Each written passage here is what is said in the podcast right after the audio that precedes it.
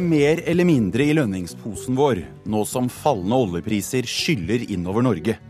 Vi tar tempen på lønnsoppgjøret i Politisk kvarter. Og over halve folket ønsker seg Jonas Gahr Støre som statsminister. Er det ingenting som stopper Aps nye gullgutt? Ja, Vi begynner altså med vårens lønnsoppgjør, som kan bli mer spennende enn på mange år.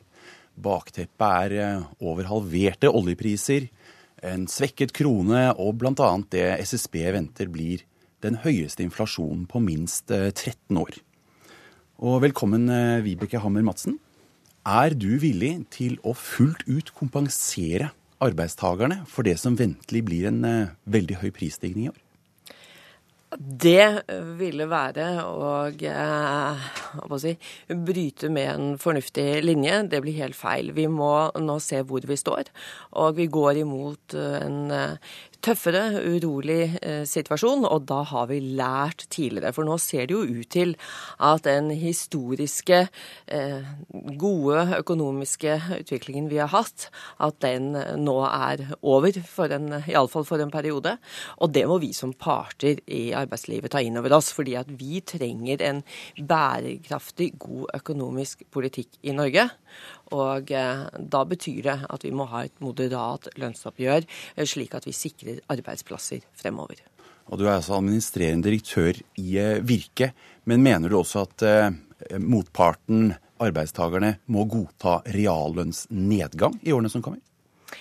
Nok, eh, altså Man må være forberedt på at det blir som jeg sier, moderate oppgjør, eh, oppgjør men at det blir en reallønnsnedgang, det eh, vil jeg nok ikke si. Men at man nærmer seg et null, det tror jeg absolutt at man må innstille seg på. Og dette har man jo lært over tid, at når tingene eh, blir tøffere både i Norge og utenfor Norge, ja, så strammer vi til eh, forbruket vårt, og da går det utover ikke minst innenfor eh, handel og tjenester, eksport og import. Og det må vi som parter ta inn over oss.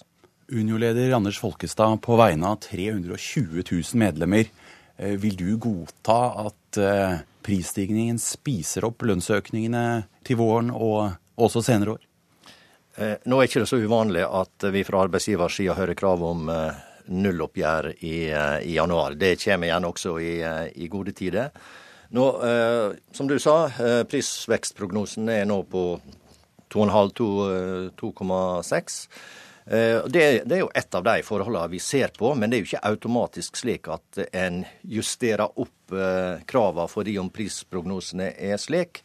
Eh, og jeg tror at eh, arbeidstakere generelt må innstille seg på at reallønnsveksten blir svakere i år enn det har vært de tidligere åra. Men det er ikke slik at eh, tariffoppgjørene og lønnsoppgjørene skal avblåses. Og jeg tror at arbeidsgiverne må være litt varsomme nå, sånn at det ikke blir skapt pessimisme, unødig pessimisme i norsk arbeids- og næringsliv. Syns du det er for mye pessimisme i beskrivelsen nå? Ja, jeg, jeg syns nå at det er tendenser til at en spiller og overdriver eh, det som skjer. Eh, det er alvorlig når eh, oljeprisfallet er så stort som det er. Nå er det vel tilbake på det nivået som det var for ja, si fem-seks år siden. Så det er jo den store veksten som har prega situasjonen de, de siste åra. Det er alvorlig når folk mister arbeidet og jobbene forsvinner. Men likevel så står norsk økonomi seg eh, ganske godt, og derfor må en ikke skape unødig pessimisme. Og eh, eh, Vårt utgangspunkt vil være at det også skal være reallønnsvekst i dette oppgjøret, men kanskje ikke så stor, sannsynligvis ikke så stor, som den har vært de siste, siste åra. Ja, Kan folk ha sparegrisen i, i fred i årene som kommer nå? Altså, Norge har jo lagt seg på en, en høy sparerate, og um, vi virker forventer at den spareraten kommer til å fortsette. Det vi er opptatt av, at den ikke si, ytterligere øker, fordi at vi trenger også å sikre at vi har en viss uh, hva skal jeg si, kjøp i Norge, slik at vi sikrer arbeidsplasser fremover. Og i forhold til pessimisme eh, Folkestad var jo ute her tidligere, og, eh, Og, og, og, da var det mye tøffere på at man skulle ha kompensert, så jeg syns jo det var godt å høre nå at du trekker litt grann av dette og viser at vi som parter tar et ansvar. For også i Virke er vi bekymret for at vi eh, svartmaler for mye, fordi det er helt klart at det er en høy levestandard i, i, i Norge, og vi tåler fortsatt en, en relativt høy sparerate, men vi må altså sikre at vi også får et moderat lønnsoppgjør, slik at eh, virksomhetene får muligheter til å fortsatt investere i tider nå fremover som blir mer uh, urolige. Og da har vi lært fra tidligere av at uh, man har en tendens til å dra til kranen ganske stramt, både i bedriftene og uh, på forbrukersiden. Og, og da Bekymringen vår går jo mer på sysselsetting og arbeidsplasser. Våre virksomheter vi har gjort og spurt, der ser det ut til at det er en ganske eh, si, lik eh, linje som, som, i fjor. Det er liksom de samme tallene som ønsker en viss økning, men det er litt nedgang på de som sier at de men, kommer men, til å redusere. Men det er jo ikke krise i, eh, i, norsk økonomi, og det er jo også slik at eh, den svake krona nå, den styrker jo konkurranseevna i store deler av eksportindustrien. Og Tidligere har vi jo hørt hvor stort problem, problem det har vært den andre veien. Nå snur det seg, sånn at en må jo være litt balansert balansert oppi dette her. Og en kan snakke om, eh, om eh, sparing, men altså en nyutdanna barnehagelærer eller sykepleier som tjener ja, 360 000 der omkring, Altså, Skal de ha råd til å kjøpe varer og tjenester i dine bedrifter, så er det klart at de må ha en anstendig lønn. Det er også sånn at uh, her er store behov for å rekruttere kompetanse, ikke minst i kommunesektoren framover. Og dette er også et element i uh, kommende tariffoppgjør. Så Men Folkestad, er du villig til å gå til en reallønnsøkning på nær null, som uh, Virke håper på? Ja, Jeg skjønner at Virke håper på det, og det er et vanlig krav fra arbeidsgiverne på denne tida av året. Vi er ikke kommet så langt i våre prosesser at vi kan tallfeste krav. Men som jeg sa, vårt utgangspunkt er at det er nødvendig med reallønnsvekst eh, eh også i dette oppgjøret her. For ellers vil eh, vi medvirker til at økonomien stagnerer, og ikke minst vil det ramme Virke sine, sine bedrifter. Så det må være en balanse i dette her. Vi må ta inn over oss alle sammen at her er mørke skyer på den økonomiske himmelen, men det er ikke sånn at uh, alt stopper opp. Madsen, kan det bli et ekstra tøft oppgjør i år? Det siste er vi iallfall enige at det er eh, Vi ønsker heller ikke å Altså det er ikke en krise i, i norsk økonomi. Det deler vi. Men utsiktene er slik at vi må vise moderasjon. Og det er nå vi kan vise moderasjon, fordi at jeg opplever at eh, også Unio nå viser altså en, et stort ansvar. Og da tror jeg at partene i, eh, i, dette oppgjøret vil ta det ansvaret og sikre at vi får en god økonomisk eh, politikk også eh, for fremtiden, og ikke minst sikre arbeidsplassene, for det er det vi snakker om. Og da er vi tilbake at vi må ha et moderat oppgjør, som jeg sier, og at vi ja, vi må At eksport vi må nok Men her vil være verdiskaping i, eh, i, norsk nærings- og arbeidsliv også i de kommende åra og de kommende åra. Og selvsagt skal ha, arbeidstakerne ha sin del av dette. Derfor blir det ikke et nulloppgjør heller i uh, 2015. Vi får se. Det blir spennende å følge lønnsoppgjøret. Takk til Vibeke Madsen fra Virke og Anders Folkestad fra Unio.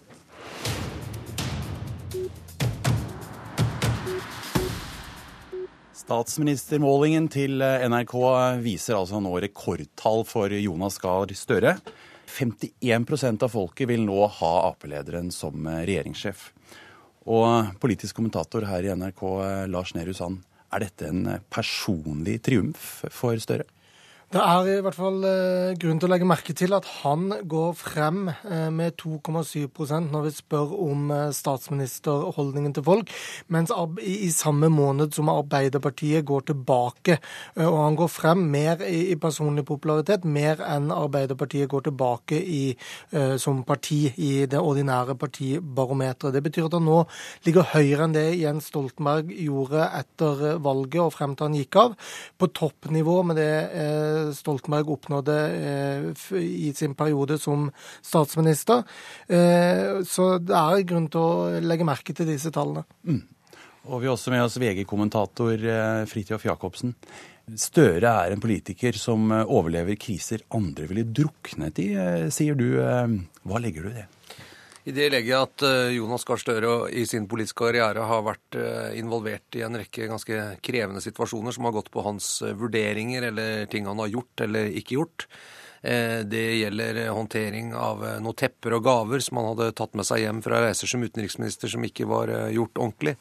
Eh, det gjelder eh, vennskapet med Felix Tschudi, som eh, i hvert fall utløste store spørsmål om inhabilitet i forbindelse med bevilgning fra Utenriksdepartementet en type problemstilling som eh, var med å koste Audun Lysbakken plassen i regjeringen, men som Støre eh, skled tvers igjennom.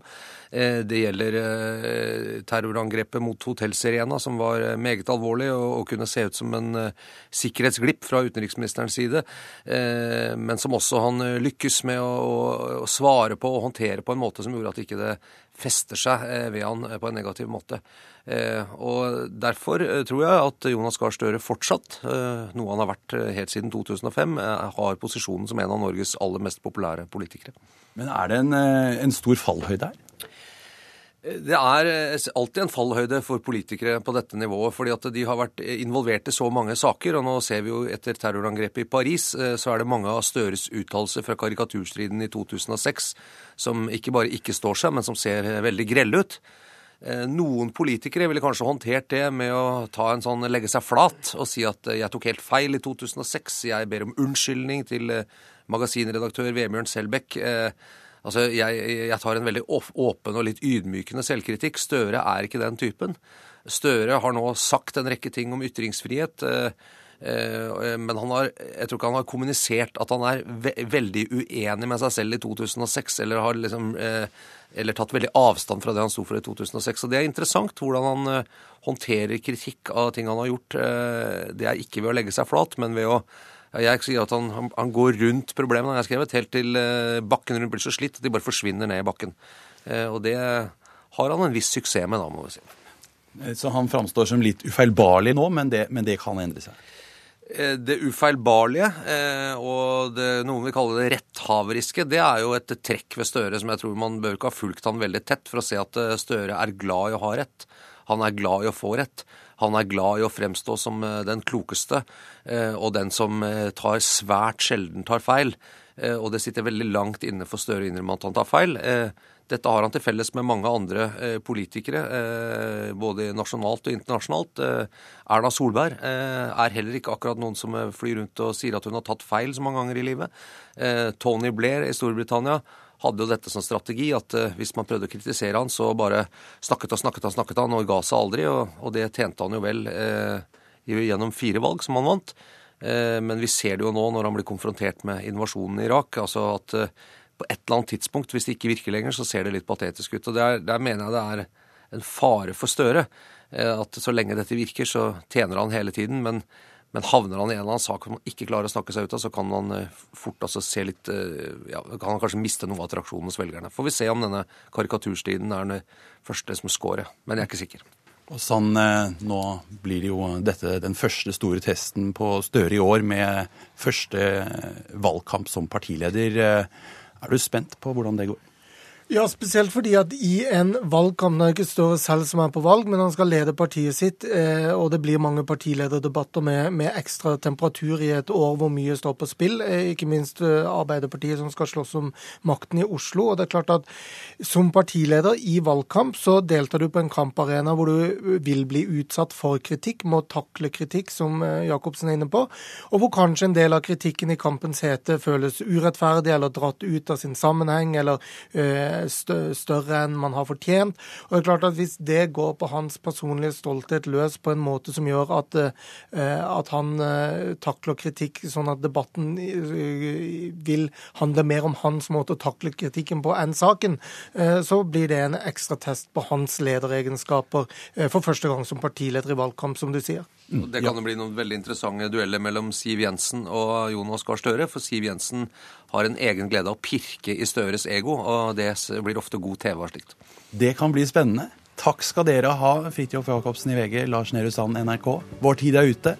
Dette var Politisk kvarter.